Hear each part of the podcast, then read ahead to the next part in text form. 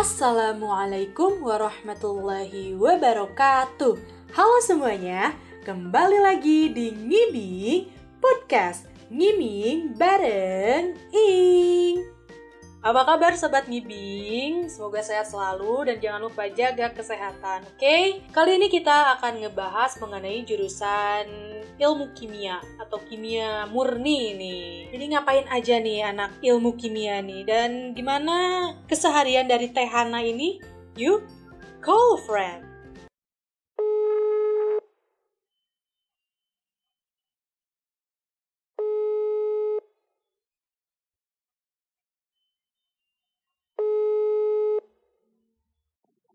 Assalamualaikum. Waalaikumsalam. Nah, Hana, apa kabar? Alhamdulillah, kamu gimana kabar? Alhamdulillah baik juga.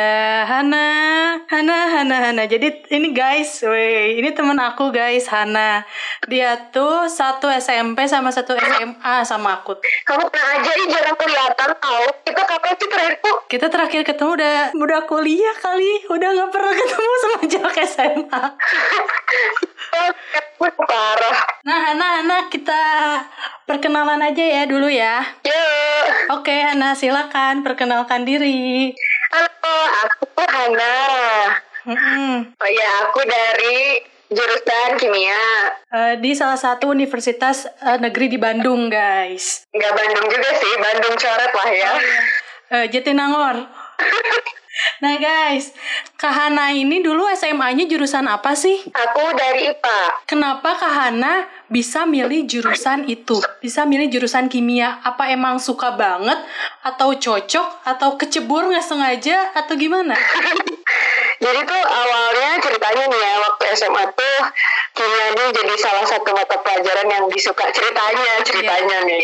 Iya, of course. tapi sebenarnya banyak juga sih jurusan yang aku pengen gitu setelah lulus SMA mau milih apa gitu. Cuman karena dari awal kayak ya udah deh mungkin cobain aja lah kimia gitu kan.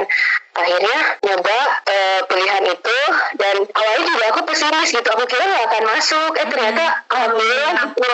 iya masuk. Ya mungkin udah rencana Allah ya udah alhamdulillah sih itu seneng banget. Gitu deh ceritanya nggak terlalu banyak sih.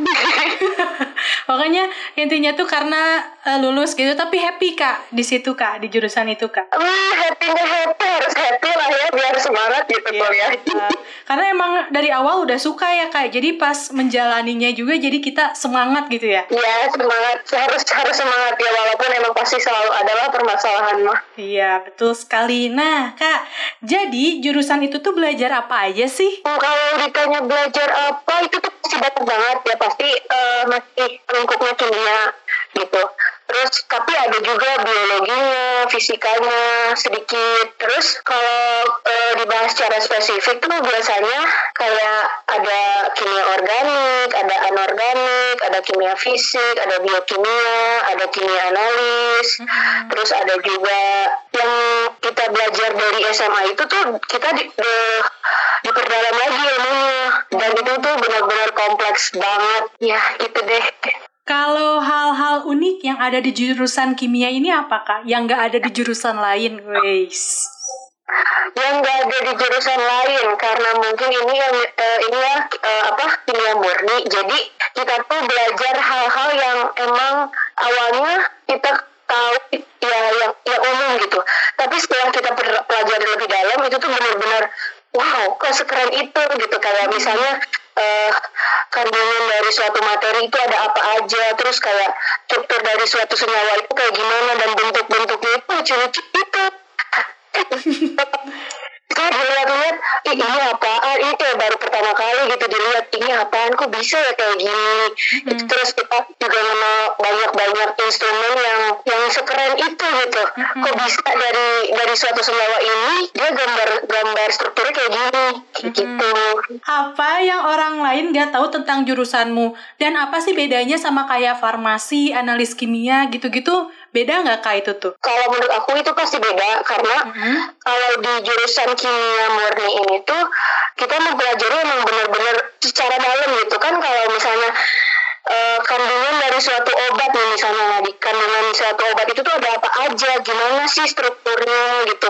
Kita tuh benar-benar mencari tahu dia sedalam apa gitu sampai-sampai kita belajar tuh gimana caranya elektron berpindah kan kayak oh seperti ini? Gitu kan kalau misalnya kalau farmasi kan lebih ke obat-obatannya. Mm-hmm. terus ngebahas mungkin ngebahas juga kimia organik tapi kalau kimia organik murni itu dia emang bener-bener yang kompleks banget yang mm-hmm. kita harus sampai tahu uh, jenisnya apa golongannya apa gitu deh kalau mungkin dibedain sama jurusan yang lain gitu. Nah kak kalau kelebihan dari jurusan kimia ini apa kak? Kelebihannya hmm, mungkin uh, prospek kerjanya cukup banyak. Kalau menurut aku itu aja sih. Berhubung dengan prospek kerja nih, kalau lulusan dari kimia ini pros bisa bisa jadi apa aja sih kak? Prospek kerjanya apa aja?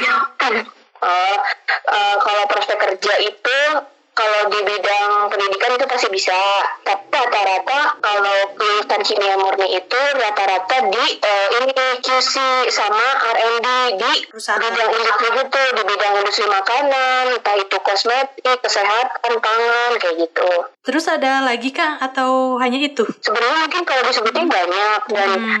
ya itu intinya kalau intinya tuh biasanya di quality control sama research and development hmm. di ini bidang-bidang industri gitu Hmm, menarik ya kak ya. Soalnya R&D itu lumayan ya kak uh, menyita tenaga dan pikiran. Oh, oh.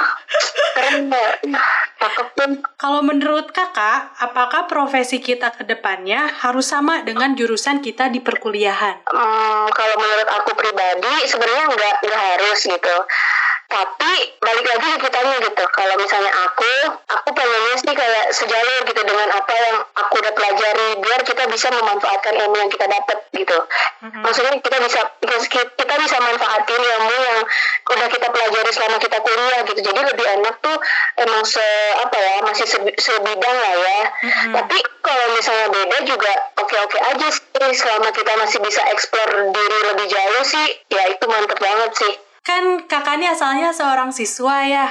Uh, siswa biasa. Nggak merantau juga ya kan kak ya? Asalnya pas SMA-nya iya. Uh, nah gimana cara kakak beradaptasi menjadi seorang mahasiswa? Dari misalnya mulai dari manajemen apa sih manajemen waktu? Manajemen waktu ya dari manajemen dari time manajemennya gitu terus uh, dari ya, apa beradaptasi sama teman baru dari berbagai suku gitu-gitunya gimana kak misalnya? Uh, kalau cara beradaptasi dari siswa ke mahasiswa uh, itu tuh benar-benar apa ya? Kalau aku sih emang benar-benar yang kayak kan kalau siswa itu kita masih kayak sama keluarga gitu. Hmm. Terus kalau jadi mahasiswa itu kan kita ngekos apalagi jauh dari rumah gitu yang benar-benar semuanya serba sendiri. Hmm. Tapi dengan beriringnya apa ya uh, dari waktu ke waktu gitu nanti akan pasti akan terbiasa ya walaupun emang pas pertama tuh bakal shock banget. Ya ampun ini ini kayak gimana? Ya ampun ya Allah. Bisa bayar bisa bayar kayak tapi seiring berjalannya waktu bisa beradaptasi beradaptasi. Oke. Okay. kalau pengalaman kakak menjadi anak rantau ini gimana kak sedih atau gimana? Uh, kalau rantau sebenarnya nggak terlalu rantau-rantau amat karena hmm. masih satu provinsi kan. Hmm. Uh, jadi benar-benar yang beda banget gitu. Yang awalnya serba dibantuin mama gitu kan. Hmm. Terus sekarang tiba-tiba kuliah dengan yang semuanya harus serba sendiri dan tapi jadi mandiri dari situ jadi kita belajar gitu. Uh, gimana sih uh, bisa apa ya misalnya kalau misalnya kita udah nggak tinggal sama orang tua lagi gitu benar-benar semuanya jadi sendiri. Tapi dari situ benar-benar jadi mandiri banget. Hmm benar ya kak. Pelajaran hidup banget sih keren. Mantap Serius. ya kak. Mantap pokoknya. Nah, kalau rutinitas seorang mahasiswi jurusan kimia ini gimana, Kak? Mulai dari bangun tidur sampai tidur lagi. Wow, itu wow, sungguh ya kalau biasa ini dalam satu minggu itu eh sebelum WFH sebelum WFH sebelum WFH ya kalau sebelum satu minggu itu Senin sampai Jumat kan Sabtu Minggu tuh libur. Mm -hmm.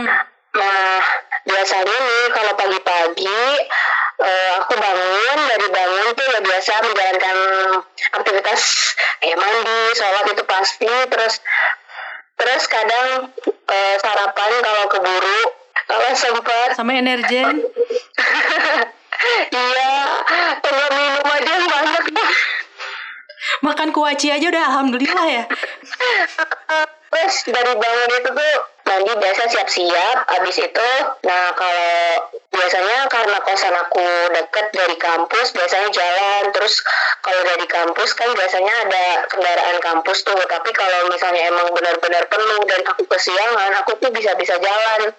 Dari eh, awal gerbang kampus sampai ke jurusan. Wih, jauh tuh. sampai lumayan itu tuh lumayan banget. tapi kalau tapi jadi kita olahraga gitu loh. Tapi setiap pagi tuh jadi ih seger banget ini. Sampai tapi nyampe nyampe nyampe kelas tuh udah keringetan. Mm-mm, bener, ngos-ngosan. Mm, iya itu tuh pagi kelas pagi tuh biasanya setengah delapan. Nah biasanya sampai jam 10 nanti misalnya kosong nih dari jam 10 sampai duhur kosong nanti lanjut lagi jam 1 sampai jam 4 misalnya. Mm. Terus kadang juga nah habis dari habis pulang kampus eh, itu tuh biasanya kalau misalnya ada beberapa kegiatan non akademik kayak rapat-rapat gitu biasanya ikut yang- nanti nyampe-nyampe kosan tiba-tiba udah maghrib aja.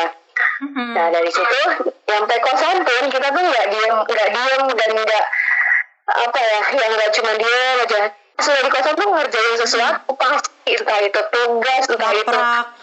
Iya, entah itu eh, kerjaan kosan yang berantakan kamar lah harus beresin harus cuci piring ah mantap banget Nyuci, nyuci baju. Eh, laundry nggak? Pakai laundry nggak, Kak? Kadang-kadang sih kalau misalnya masih keburu aku cuci sendiri tapi kalau udah capek banget yang udah benar-benar numpuk baru dileti habis itu udah tidur besoknya ya kayak pagi lagi kayak gitu lagi terus siklusnya seperti itu Hmm, sekarang kalau eh, karena ada WFH ini gimana, Kak, jadinya, Kak? Eh, lewat online atau gimana praktikumnya? Nah, kalau WFH ini benar-benar yang kayak sebenarnya lebih kayak capek nambahnya karena setiap hari itu pasti akan selalu ada Jimit lah, Zoom, terus ada praktikum online juga. Iya. Sebenarnya jadi makin nambah sih kerjaannya, tugasnya jadi nambah banyak, terus ditambah kayak kan pelajarannya kayak mata kuliah mata kuliahnya juga kan lumayan rumit gitu kan. Iya, nggak betul. cukup nggak cukup sekali. Tapi ada hikmahnya juga sih sebenarnya karena bisa direkam kan. Nah dari rekaman itu tuh bisa kita dengerin ulang ya jadi enak. Sebenarnya enak gak enak sih apa WFH nih Tapi praktikumnya jadi pakai Zoom gitu, Kak? Atau ada susulan gitu na- eh, saat-saat kalau udah beres gitu? Ah, ah, aku mau cerita. Jadi kalau misalnya praktikum itu kan biasanya sehari itu full praktikum doang. Misalnya dari setengah 8 sampai jam 4 itu tuh full semuanya praktikum. Yang emang bener-bener wah kalau praktikum tuh kerasa banget capeknya. Tambah kan di lab itu kayak aduh kita ngehirup eh, apa senyawa-senyawa kimia yang bikin pusing udahnya. Tapi tapi justru praktikum itu tuh bener-bener bikin bikin seru banget. Justru aku lebih lebih suka praktikumnya daripada kelas teorinya karena benar-benar mengenal, mengenalin apa mengenal banyak alat-alat baru gitu dan seru tuh kayak wah bisa belajar banyak gitu sebenarnya seru itu tuh praktikum tuh tapi nggak enaknya tuh adalah bikin laporan praktikumnya Oh, itu. yang banget. Mejibun tuh. Ah, nah kalau karena ini WFH jadi praktikumnya online buat beberapa modul yang emang bisa di onlinein gitu. Kalau misalnya eh, untuk modul seperti modul biokim sama organik itu tuh nggak bisa sama sekali nggak bisa online. Akhirnya Mm-mm. eh, Prodi memutuskan ya udah akhirnya kita ke kampus nih nanti ada praktikum offline untuk sisa modul yang belum dipraktikumin. Nah itu tuh masih dalam masih dalam tahap apa ya perencanaan kali ya karena kan harus memenuhi protokol kesehatan juga. Iya, betul sekali. Jadi nanti sekitar katanya sih baru isu tuh dari Juli sampai Agustus di antara itu nanti kita harus ke sana gitu. Di juga nanti juga kita dimintain surat negatif COVID terus harus harus apa sih Hmm. berbagai macam tes lah terus harus karantina dulu dua minggu apa isolasi mandiri kayak gitu ribet ribet banget. Kakak ikut organisasi mahasiswa nggak? Oh, iya. Peres ya? Jadi, aku dua tiga itu aku cuma kepanitiaan aja kalau organisasi aku baru mulai di semester 4 Oh, organisasi apa kak? himpunan Oh, jadi ngapain itu tuh kak? di himpunan itu eh aku aku jadi eh, staf ini apa staf dari departemen multimedia dan informasi Hmm. Nah, jadi di di situ tuh kayak kita megang biasa megang sosmed lah, kita Iya. megang kalau misalnya disuruh post Iya. ini, post itu, terus bikin bikin poster, bikin Iya. video karena apalagi kalau lagi apa sih lagi serba online gitu tuh kerjaannya nambah kalau dari Ah, Netflix bener, betul sekali. aja online serba nambah kerjaannya. Iya kan? Ya. Oh, bener, bener, betul, betul. Yang asalnya ini doang, kok jadi ada ini, ini, ini, ini, ini, ini. Oh, belum lagi permintaan dari departemen lain ya kak ya? Oh, oh, aduh bener-bener deh. Jadi kerja keras sebagai kudanya tuh kerasa banget dah. Mm-mm.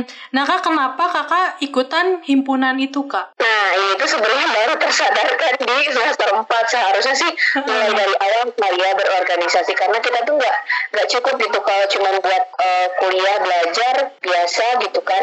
Kayak hampa terasanya gitu. Kan, kan kalau misalnya ikut organisasi kita emang benar-benar butuh soft skill kan. Nggak cuma hard skill aja yang kita yang kita peroleh gitu. Makanya menurut aku tuh organisasi itu memang benar-benar penting gimana kita cara interaksi sama orang yang kayak kita benar-benar belajar sama orang kayak gimana. Terus kita juga ketemu ketemu sama orang-orang yang emang benar-benar pemikirannya tuh oh keren banget gitu. Nah dari situ jadi celah belajar gitu.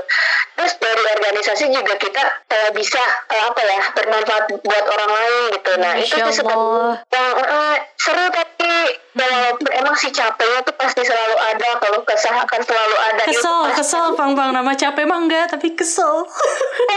ada apalagi Kesel. uh, gemes banget gitu kalau ya gitu. Eh, kalau suka duka selama kuliah, apa tuh? Buka kuliah hmm, kalau sukanya pastinya kita belajar yang nggak tahu jadi tahu gitu kan. Terus kita juga nambah teman baru. Kita belajar apa ya belajar beradaptasi gimana jauh sama orang tua gitu. Jadi kita belajar mandiri. Banyak sih sebenarnya sukanya tuh emang benar-benar full dengan belajar. Wah tapi dukanya adalah Jeng jeng jeng jeng. capek. Aduh capek banget. Itu tuh kerasa banget capeknya selama kita masih bisa manajemen waktu dan manajemen stres yang baik sih. Kenapa enggak kita milih banyak banyak kegiatan gitu se- Mm-mm. selagi masih bisa belajar gitu kan. Tapi ya dukanya itu tuh capek banget. Capek karena mungkin kuliah tuh harus bikin laporan praktikum. Dan itu tuh benar-benar menguras waktu sekali. Yang kayak nggak cukup tuh buat sehari aja ngerjainnya itu berhari-hari Belum baca jurnal, harus baca jurnal. Oh, oh, harus literatur literatur yang banyak banget ya Allah. Terus ditambah lagi eh, pelajarannya apa sih mata kuliahnya tuh emang benar-benar kerasa susah banget sih itu itu itu dukanya. Kayak kalau sekali baca tuh nggak cukup gitu kayak benar-benar harus minta harus minta jelasin sama orang yang kayak emang benar-benar susah. Hmm. Kalau dilihat dari pelajaran sih emang harus kayak ya Allah harus benar-benar belajar kelas banget gitu. Mm-mm, gitu deh ceritanya.